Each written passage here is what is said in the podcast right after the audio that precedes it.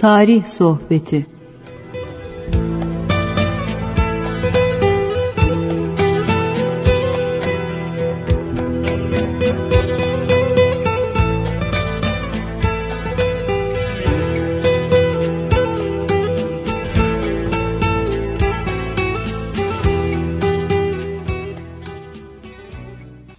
Merhaba kıymetli dinleyenlerim. TGRT FM Radyosu'nun bir tarih sohbetinde daha sizlerle beraber olmaktan dolayı mutluyum. Bugünkü programımızın devamı esnasında teknik masada Muhittin Yaygın Göl kardeşimiz bizlere yardımcı olacak. Gökhan Güler Bey de sizlerden gelecek sual telefonlarını yönetmen masasında bekliyor. Programı hazırlayıp bir saate yakın müddet sunmaya çalışacak olan ben İsmail Yağcı, ekibim adına inşallah sizlere hayırlı, huzurlu bir vakit geçirmeye çalışacağız. Yani vakti değerlendirmeye çalışacağız. Biz kendimiz vaktimizi değerlendireceğiz ve sizlere bir şeyler aktarıyoruz. Siz bizden dinlediklerinizle inşallah e, hem tarih şuurundaki düşünce tarzında hem de bu bilgileri etrafınızla paylaşmak suretiyle de sizlerle inşallah birçok manevi neticelere kavuşacaksınız. Bu sohbetimizin e, başında sizlere öncelikle telefon numaralarımızı vermek istiyorum. 454 56 46 telefon numaramızdır.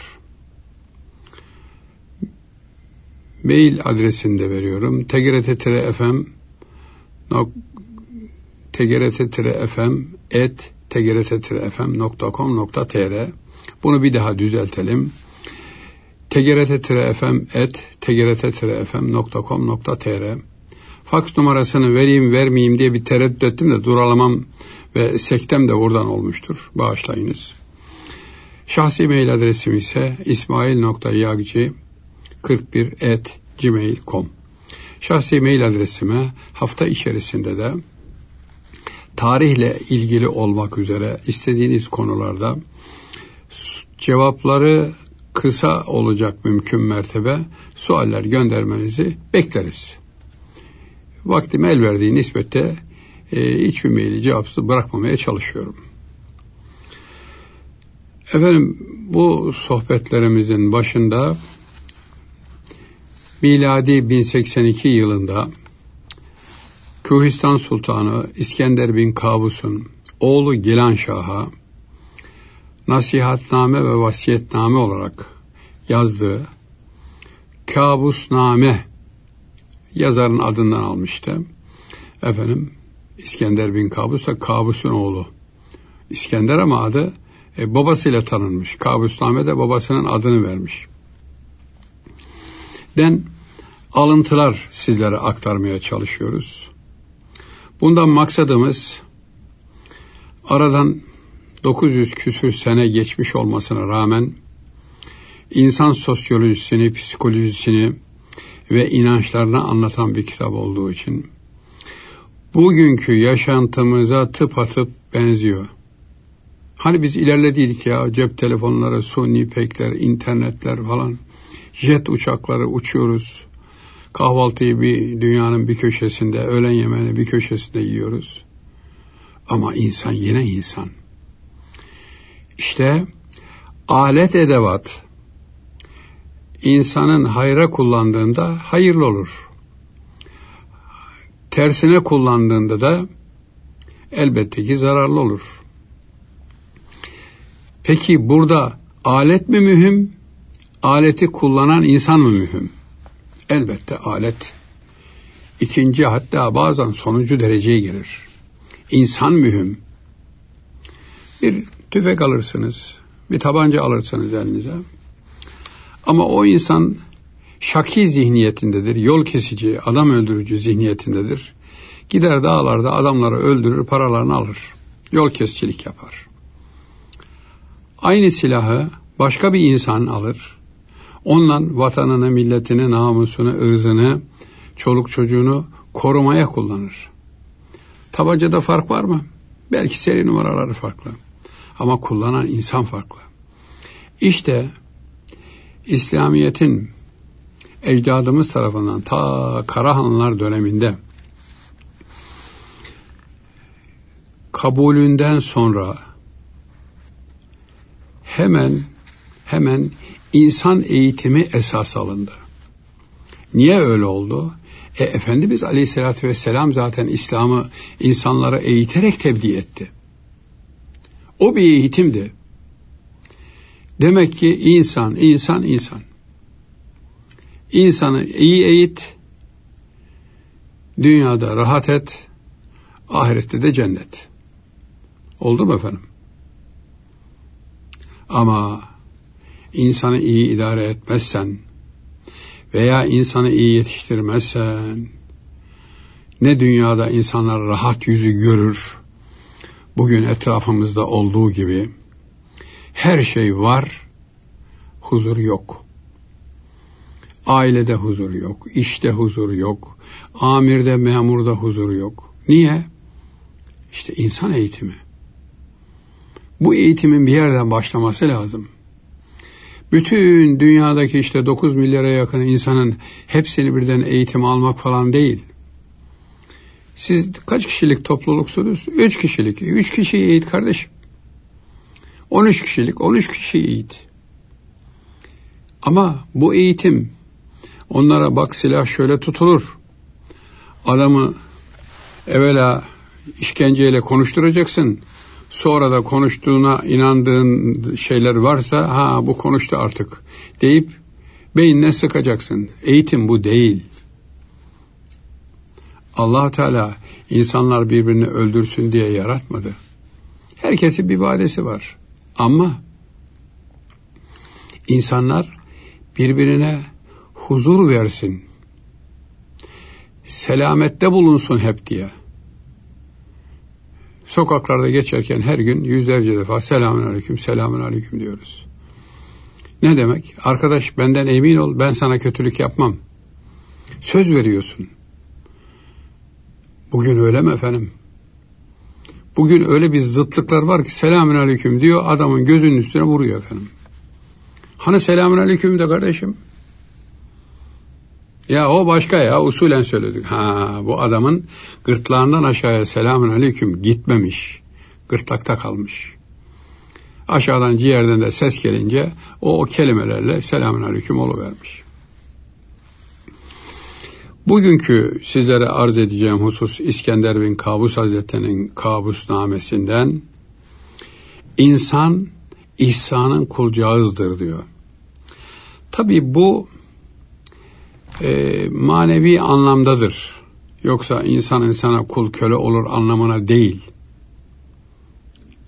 Yani bir insana iyilik yaparsanız o kimse size kötülük yaparken birazcık düşünür. Eli varmaz o kötülüğü yapmaya. Ya biraz önce iyilik yapmışsın. Onun için Avrupalı bir seyahat diyor ki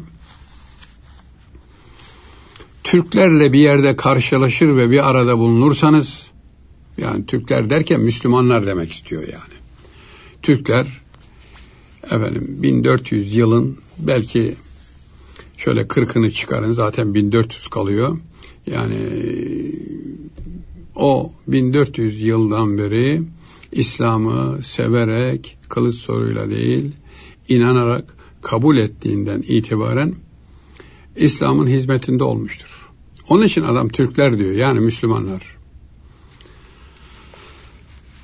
Onların herhangi bir zararından emin olmak istiyorsanız emniyette olayım ya bu adamların eline geçtim yabancı bunlar keser mi asar mı parçalar mı beni diye endişen olmaması için onların bir lokmasını yiyin diyor.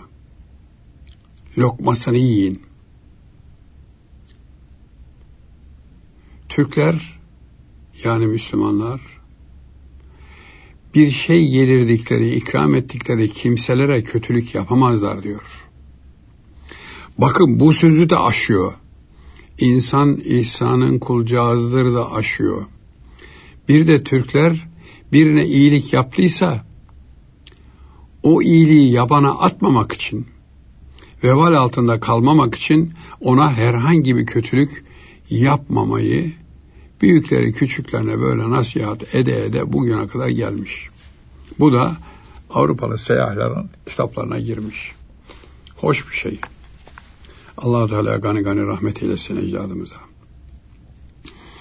Tabii ihsan edici olmak lazım.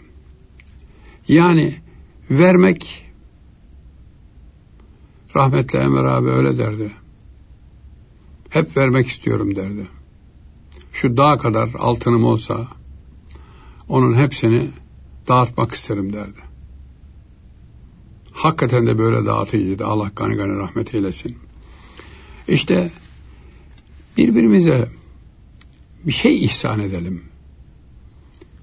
Para mı? Param yok. Güler yüz ihsan et kardeşim. Bir bardak su ikram et. Bir şey yap yani. Yolda giderken bir gülücük ediver ona. Bir hal hatır soru ver ona. Bunların hepsi ihsandır. Bu ihsanı insanlar niye yapıyorlar? Allah rızası için yapıyorlar. Yoksa aman ya bana oy versinler ben şöyle yapayım böyle yapayım. Efendim beni alkışlasınlar şakşaklasınlar ee, veya ben buradan bir menfaatle temin ederim bir ihalede alırım diyorsa yok.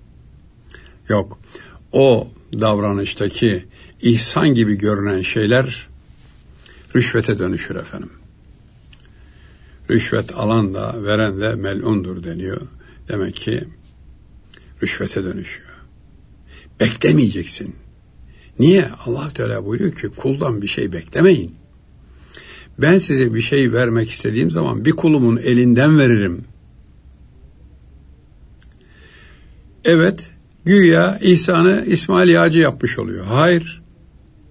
Allahu Teala kalbine bir şey vermiş ki bir düşünce, bir his filana şunu ver. Vereyim ya, vereyim ya. Hatta büyükler o kadar korkarlarmış ki efendim. Kalplerine güzel bir şey geldiğinde onu eğer uygulamada gecikirlerse şeytan gelir beni vazgeçirir diye.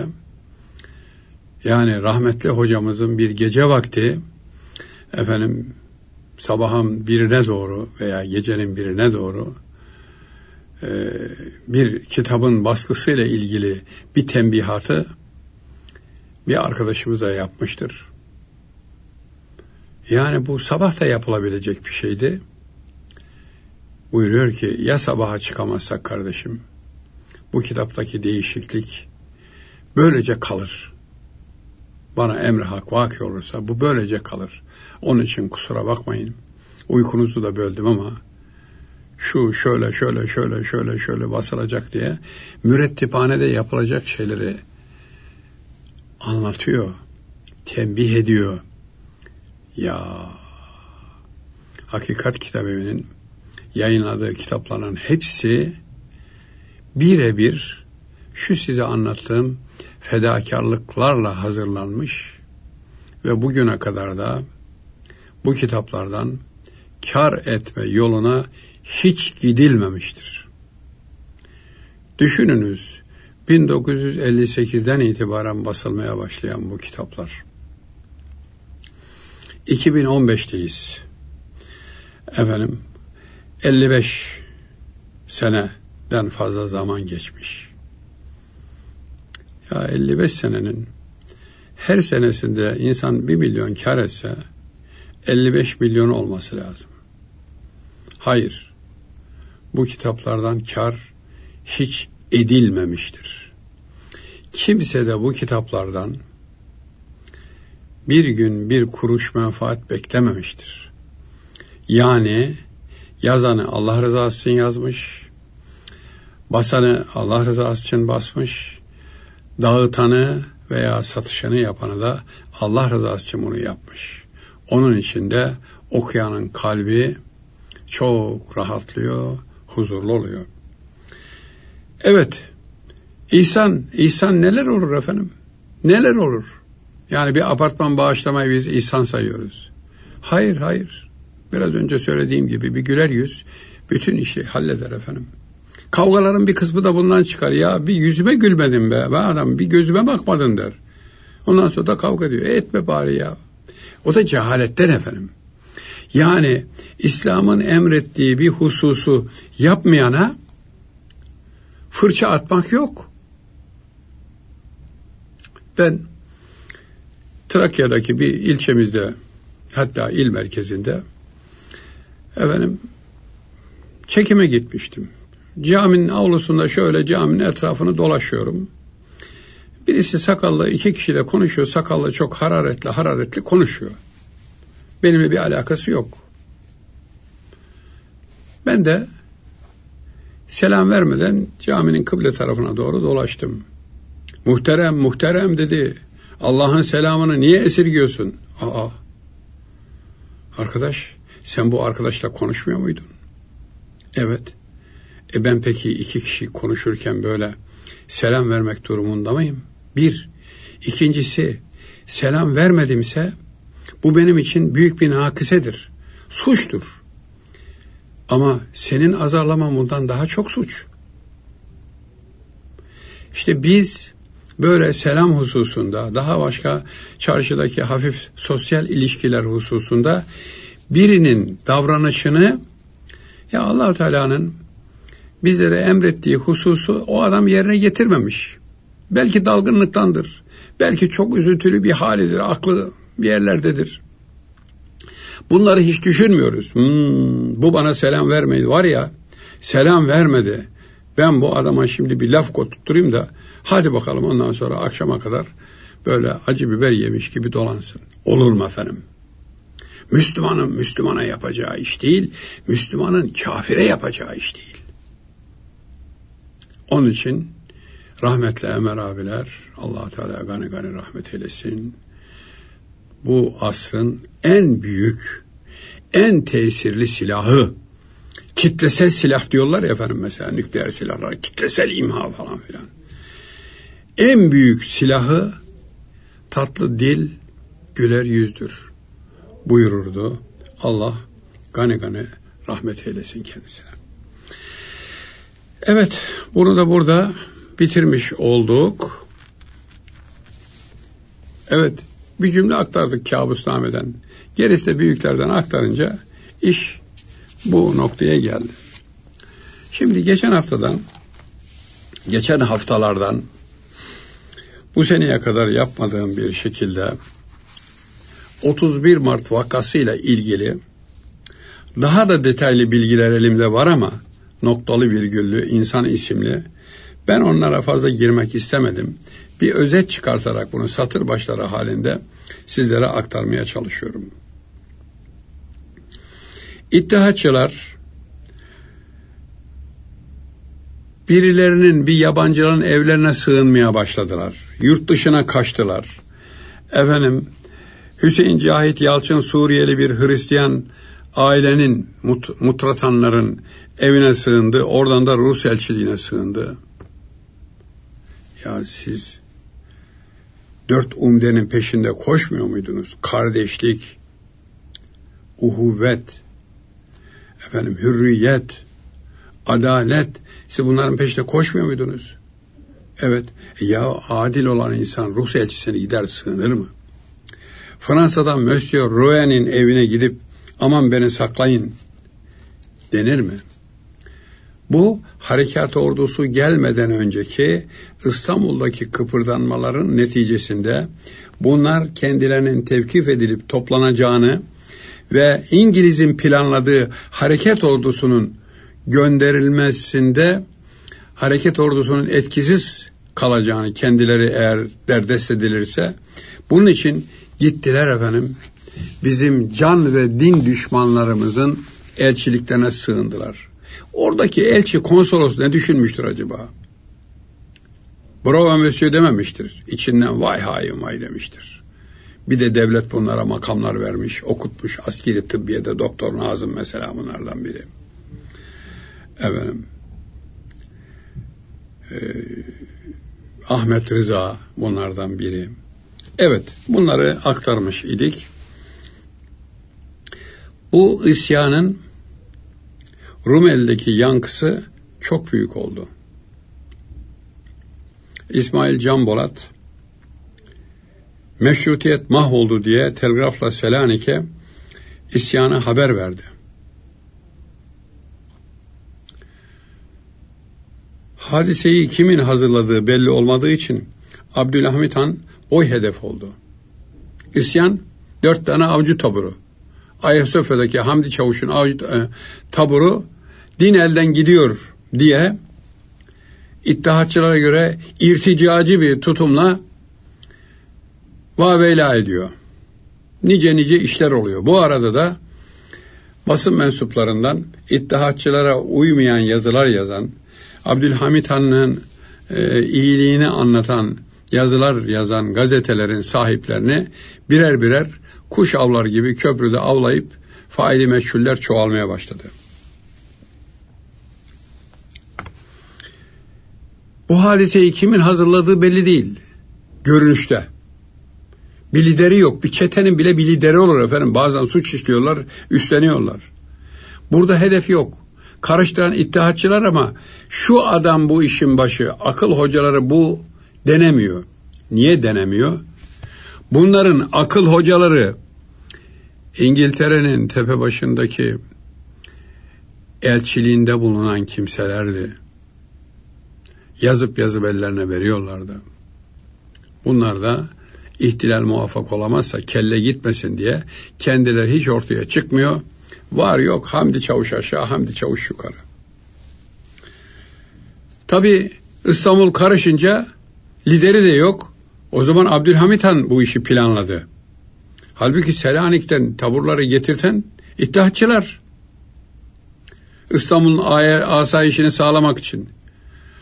Halbuki asayişi bozmak için getirdiler bunu. Adı asayiş sağlamak değil. İstanbul'da kan gövdeyi götürmüyordu ki onlar gelmeden önce. İttihat ve Terakki'nin merkez ve şubelerinden merkez Selanik'e kaçtı malum. Bizi burada imha eder Abdülhamit Han diye.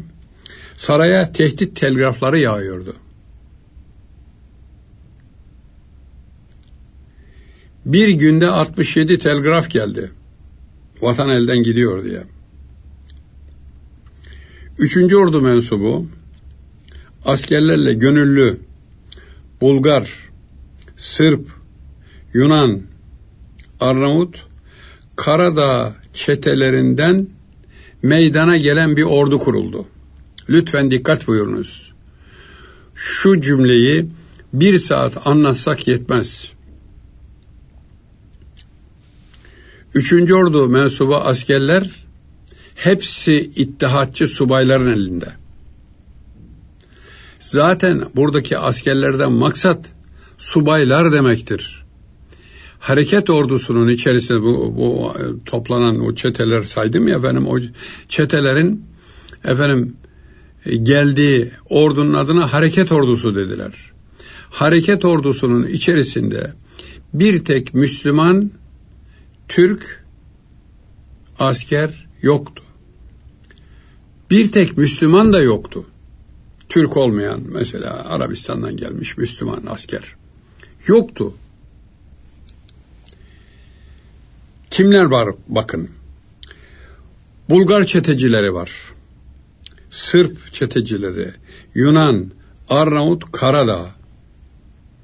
Hani bu Balkan Harbi'nde ittihatçılar iktidardayken saldırıp da Osmanlı'nın üzerine birinci Balkan Harbi'nde Bulgar askerleri Çatalca'ya kadar geldiler ya efendim. O 1912. E bu 1909. 9 kış işte. Bahara çıkınca da 31 Mart olacak. Ya Bulgar çeteci sen hareket ordusunun emrine verdin gönderdin. Yani Bulgar bunları çok mu seviyordu? Hayır canım. Osmanlı'nın başkentini benim çetecilerim basacak. Ya ben bunun için bir ufak işaret gördüm mü? Nasıl koşmam yani? Hemen gitmem lazım. Ve bu çetecileri getirdiler ki eğer İstanbul içerisinde silaha davranılacak olursa bir ihtilal kanlı bir şekilde bastırılmaya çalışılırsa bu ordu bastıracak. Hedefte sahte takım Hamdi Çavuş ve diğer üç tane avcı taburu var. Hamdi Çavuş çünkü dördüncü tabur. Bunlar ola ki içinde Türk ve Müslüman olursa halifenin ordusuna silah atmanın ahiret hayatlarının felakete dönüşmesine sebep olur korkusuyla silahlarını kullanmazlar giderler teslim olurlar diye. E, subayları zaten iddiaçılar diyorlar ki cihete askeriyede din diyanat aranmaz böyle fetva var diyorlar. İttihatçılar dinden, ibadetten uzaklaşmalarını bu cümleyle bütün neferlere yaydılar. Emrettiler.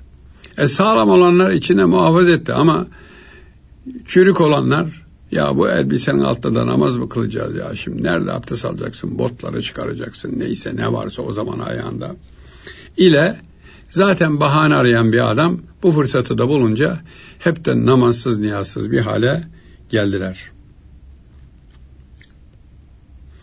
Edirne'de bulunan ikinci orduyla Selanik'teki üçüncü ordu temasa geçti ve siz de katıl dendi. Güya katıldılar. Halbuki Edirne'deki ikinci orduya gelen Mahmut Şevket Paşa'dır. Selanik'te görevli olduğu halde hareket ordusunu trene doldurup İstanbul'a Bakırköy'e kadar gelmişlerdir. İlk etapta orada bir dinlenmişler. Bir hoş geldin merasimi yapılmıştır. Maalesef Büyük Millet Meclisi üyelerinin hepsi hareket ordusuna İstanbul'a baskına gelen hareket ordusuna aman ne iyi ettiniz, hoş geldiniz, sefa geldiniz ziyaretine geldiler efendim. İstanbul'dan kalkıp Bakırköy'e kadar. Ha bugün ikisinin arası vasıtalarla daha kısa ama öteki herhalde adamların saatlerini almıştır. Efendim bir reklam aramız var. E, reklam arasından sonra inşallah yine beraber olacağız.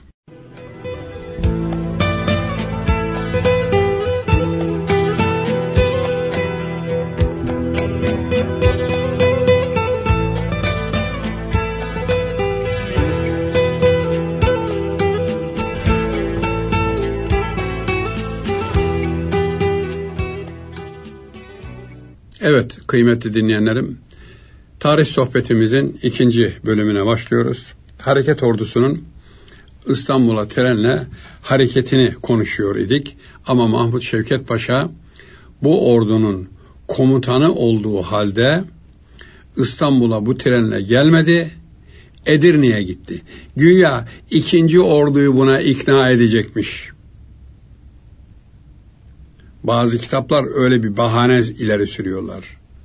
Hayır, Mahmut Şevket Paşa hareket ordusu İstanbul'a girdiğinde Abdülhamit Han iki tane hassa alayını kullanır. Bunlar eğitimli çocuklar. Padişah için canlarını verebilirler. Tabi Allah için. Bir hadise tersine teperse hareket ordusu imha edilir veya yenilir de başındaki subayları kimlerse sıralama komuta kademesi idam edilebilir korkusuyla kendi de kelleyi kurtarmak için hareket ordusuyla beraber ordunun komutanı olduğu halde o trenle beraber gelmedi. Orada pusuya yattı Edirne'de. İstanbul'la arası 250 kilometre. Haber gitti ki telgrafla paşam her şey yolunda işte Mebusan Meclisi'nin üyeleri de yani milletvekilleri de bize hoş geldine geldiler. İstanbul tamamdır. Buyurun gelin. Böyle komutanlık olur mu efendim? O komutanı önce kendi askerleri vurması lazım. Niye vursunlar efendim? Bir Abdülhamit Han devrilecek. Bir devir kapanacak.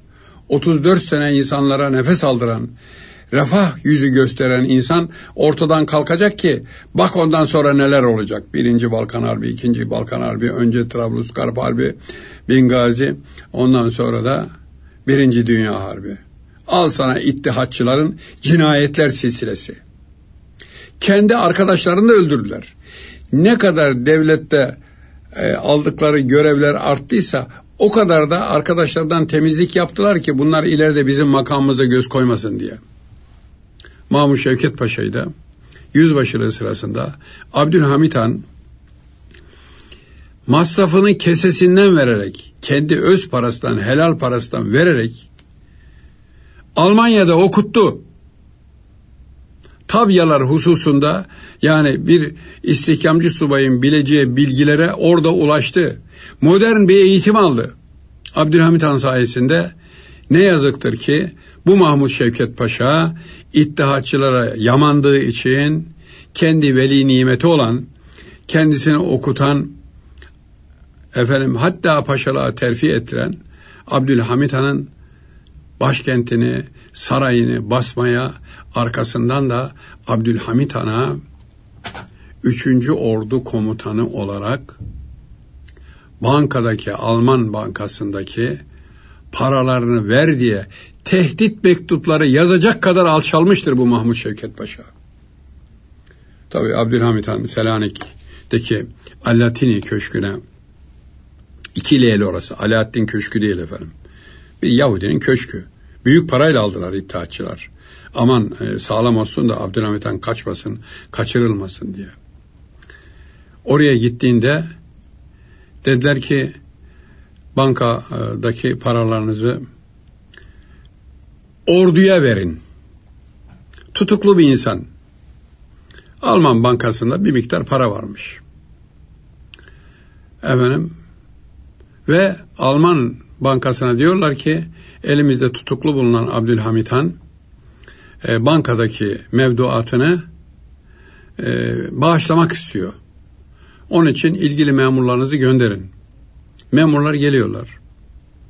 Nereye? Selanik'e geliyorlar. Abdülhamit Han veremem diyor. Benim iki tane kızım var daha mürüvvetini görmedim. Bu kadar sene padişahlık yapmış olan birisi olarak bu benim kendi şahsi param. Devletime verdim verdim de bu kadarı da bu saçı kesikler için öyle ifade ederlerdi efendim. Bu saçı kesikler için onlar da bir mürüvvet görsünler. Yani padişah kızı bunlar yarın birer damat bulup da evlendirirsek hiç olmazsa onların düğün masrafı için ben bunu hazırladım diyor. Bir babanın evladına çeyiz parası, düğün parası diye Alman bankasında sakladığı paraları çok büyük bir para değildi efendim.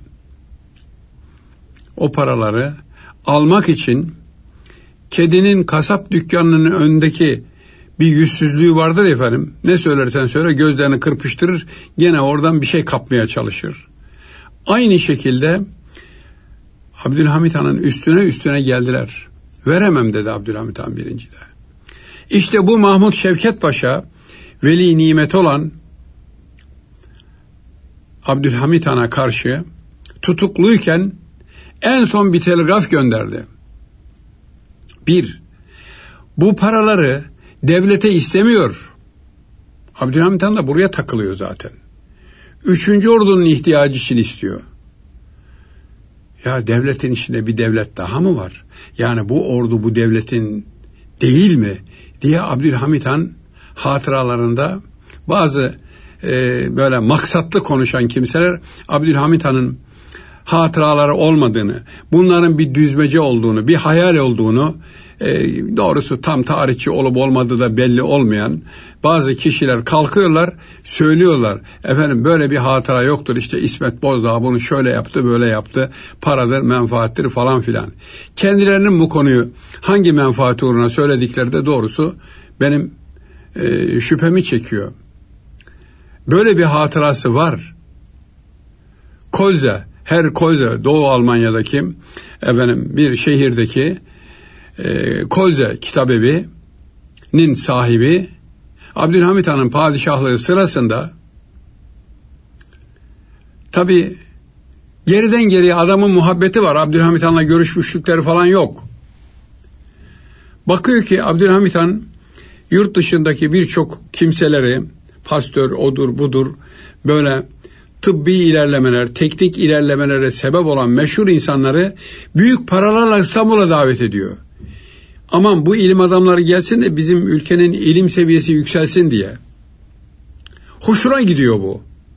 Milletini kurtarmak istiyor bu insan cehaletten. Bir sözlük bastırıyor bu her Kolze. Kolze yayın evinin sahibi. Sözlük Almanca Osmanlıca sözlük. Bir nüshasında altın varaklı süslemeler, tesipler yaptırarak daha hoş bir cilt halinde özel ciltletiyor bir, bir nüshasını. Ve bunu bir mektupla Abdülhamit Han'a efendim size layık değil ama içimden geldi bu hediyemi kabul edin lütfen diye rica mektubuyla gönderiyor bunu. Abdülhamit Han çok memnun kalıyor. Hemen mabeyne diyor ki bu zata teşekkürlerimi bildirin. Şu şu şu kadar lira da benim özel paramdan para gönderin. Hediye edin. Ve kendisini de İstanbul'a davet edin. Benim misafirim olarak burada kalsın. Ne kadar isterse. Adam bir ciltli kitap göndererek birdenbire dünyanın bir numaralı adamı gibi oluyor. Çok memnun kalıyor. Geliyor Abdülhamit Han'la uzun uzun sohbetleri oluyor. Bakıyor ki Abdülhamit Han bu adamın yaptığı işler dostane. Dostane. Yani bir arkasında başka bir şey yok. Bir geri planı yok bunun. Vefatından bir sene önce de 1917 senesinin işte herhalde Aralık ayında falan Beylerbeyi Sarayı'nda hatırasını bitiriyor. Ölümünden iki ay önce falan. Şubat 10, 10 Şubat 1918'de rahmetli oldu. Bunu bir yolla bu her Kolzi'ye gönderiyor efendim. Abdülhamit Han.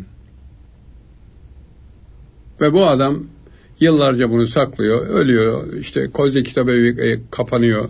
Oğlu babasından kalan terekeleri muhafaza ediyor derken işte İsmet Bozdağ da bunu elde ediyor. Şimdi buna durup durduğu yerde bazı insanlar yok canım diyor ya öyle bir hatıra yok. Çünkü orada ittihatçıların ipliğini pazara çıkarıyor. Bu hatıra yok diyenler ittihatçılara dostane davranmış oluyorlar. Tavır öyle. Niyetleri nedir bilmem. Belki onların daha da geniş bir niyetleri vardır. Allah bilir ya. Olur mu olur. Evet. Ordunun başına Hüseyin Hüsnü Paşa şey olarak Mahmut Şevket Paşa'nın yardımcısı gibi. Ordu komutanı yardımcısı olur mu efendim? Ordu komutanı komutandır. Direksiyonda o vardır. İşte Mahmut Şevket Paşa Edirne'de kalınca Hüseyin Hüsnü Paşa geldi. Sonra baktılar ki durum tamam Hüseyin Hüsnü Paşa'ya hadi güle güle dediler. Mahmut Şevket Paşa ordusunun başına Bakırköy'de katılmış oldu.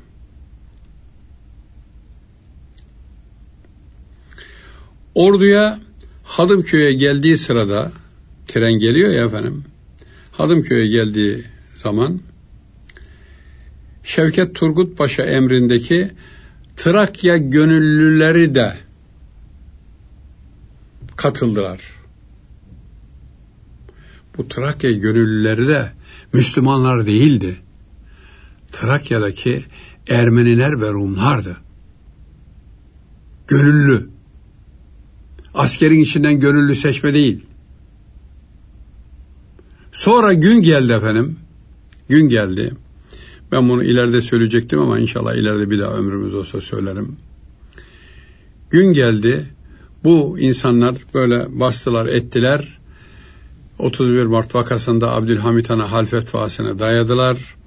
Tahttan indirdiler ve Hadımköy'e kadar arabalarla götürerek halk e, ayaklanmasın diye sevgisinden ayaklanır elimizden alır sultanı diye oradan aile efradıyla doğru dürüst eşya da alamadan trenle hareket edildi.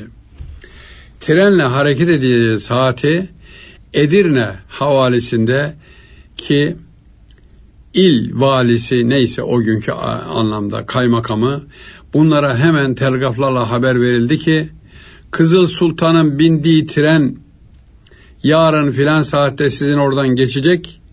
Civar köylerden, ilçelerden demir yolu boyuna geçecek Kızıl Sultan'ı taşlamak ve yuhalamak için insanları toplayın. Evet. Trakya'da bunu yaptılar efendim. Bir tek uzun köprünün bir köyünden birkaç kişiyi getirebilmişler. Hayrabolu'dan ne ilçeden ne köylerinden tek kişi biz bu işi gelmeyiz. Zorlayamamışlar da. Nedir? Geçerken treni taşlanacak ki bak halk halk işte sevmiyordu bak. Düzbeceyi görür müsün efendim? Halk direniyor, halkı zorluyorlar. Gelin taşlayın da demek ki bunu halk istemiyordu. Onun için de iddiaça niye ettiler ki tahttan indirdiler densin için.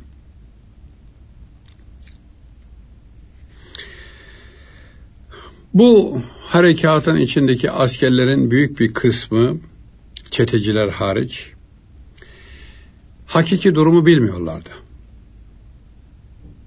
Onlara dediler ki padişahı kurtarmaya gidiyoruz.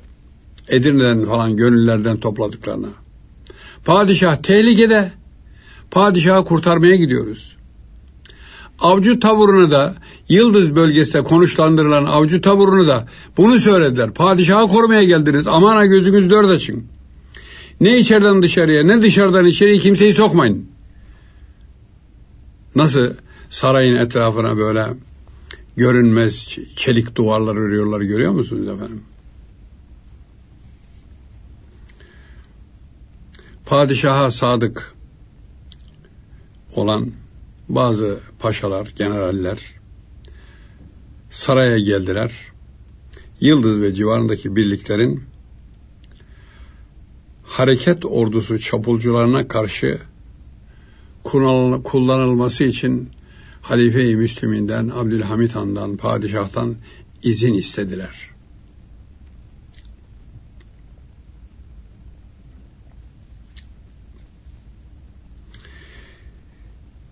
Evet, Abdülhamit Han 33 senedir ben Halife-i Müslümin olarak ve Osmanlı padişahı olarak asla kan dökmedim paşalara. Tüfekçilerin silahlarını toplayın. Kimse silah atmasın. Müslümanı Müslümana kırdırmam diyerek bunu reddetti.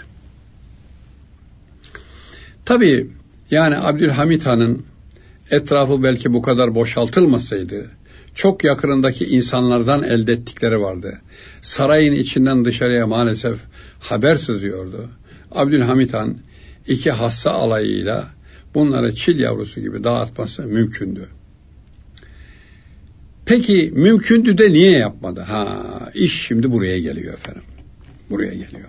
Bu bir karar verme meselesidir. Karar verme meselesidir. İnsan bu kararlarında yanılabilir. Kullansaydı iyi olurdu. O iki tarafı da mütalaa etti Hani allah Teala diyor ki meşveret ediniz ondan sonra da karar verdiğiniz şeyden bir daha dönmeyiniz. Paşaların vaziyetine baktı. En yakınındaki paşaların ittihatçılardan korkularına baktı.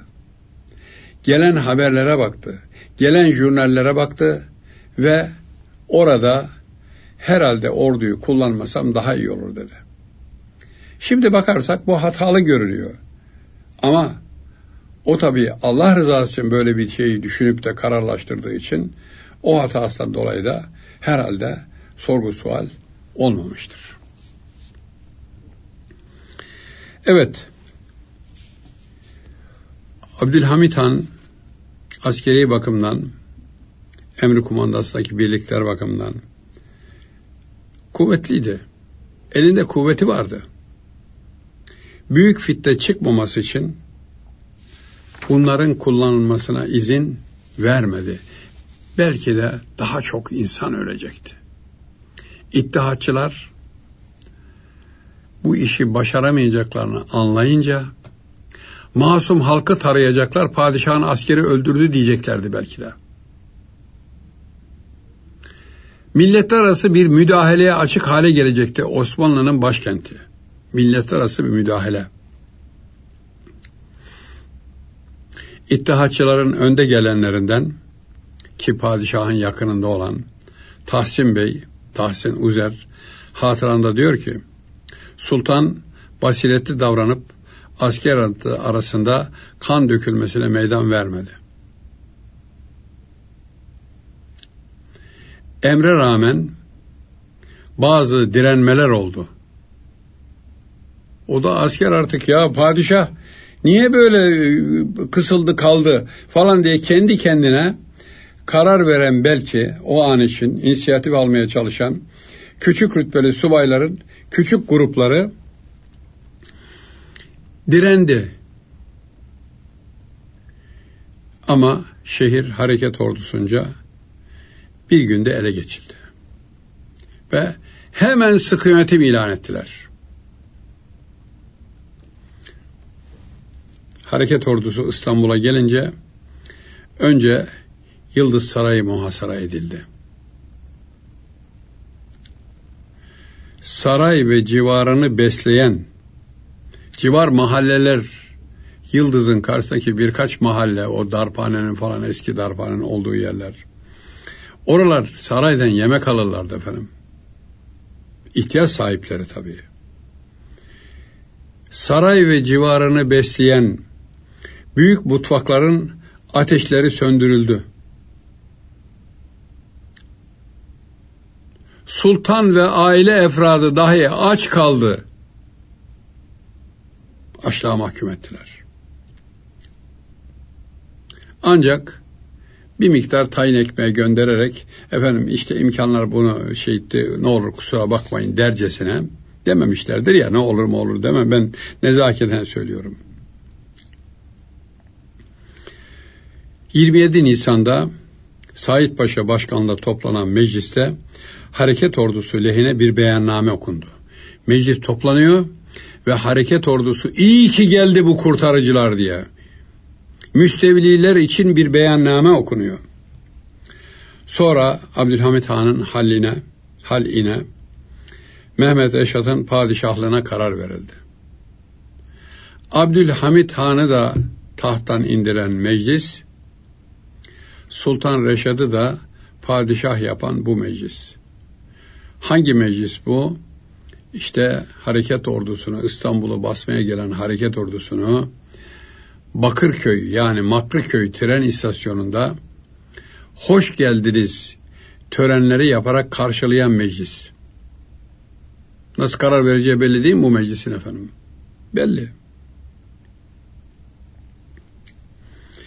Elmalı Hamdi Yazır'ın hal için hazırladığı müsveddiye fetva emini Hacı Nurettin Efendi itiraz etti. Evet, hal fetvası için.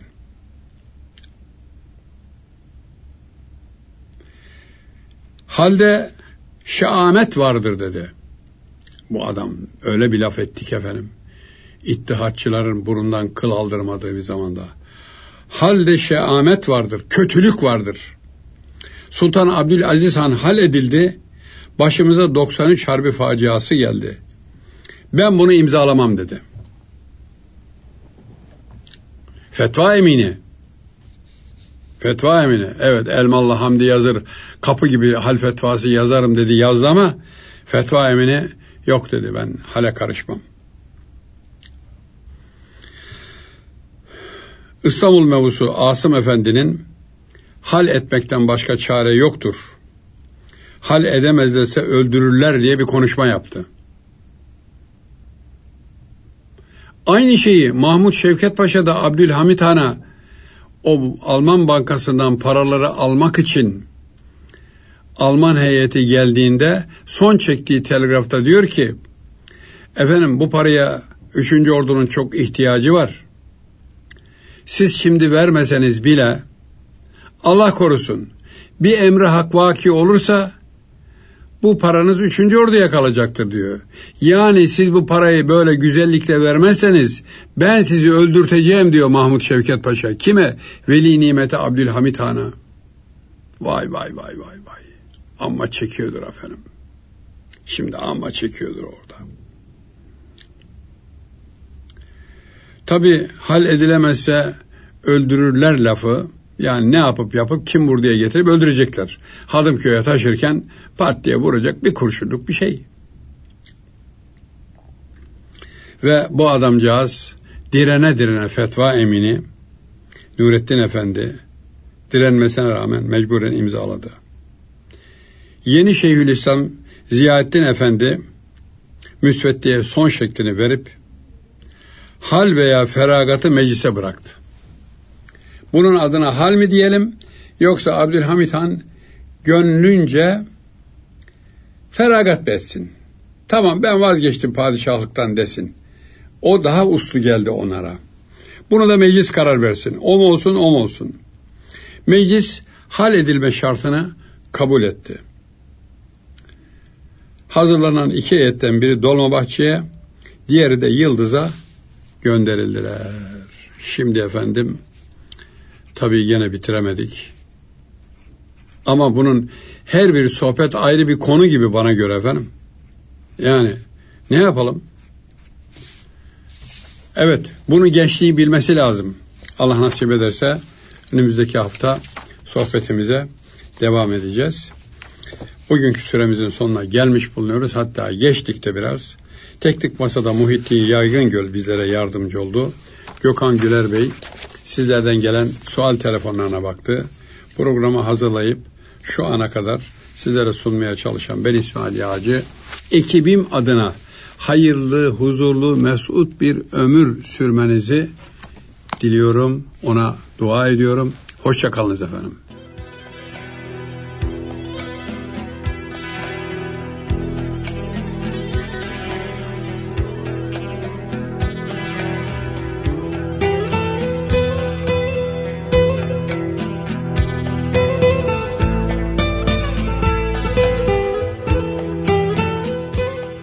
Tarih Sohbeti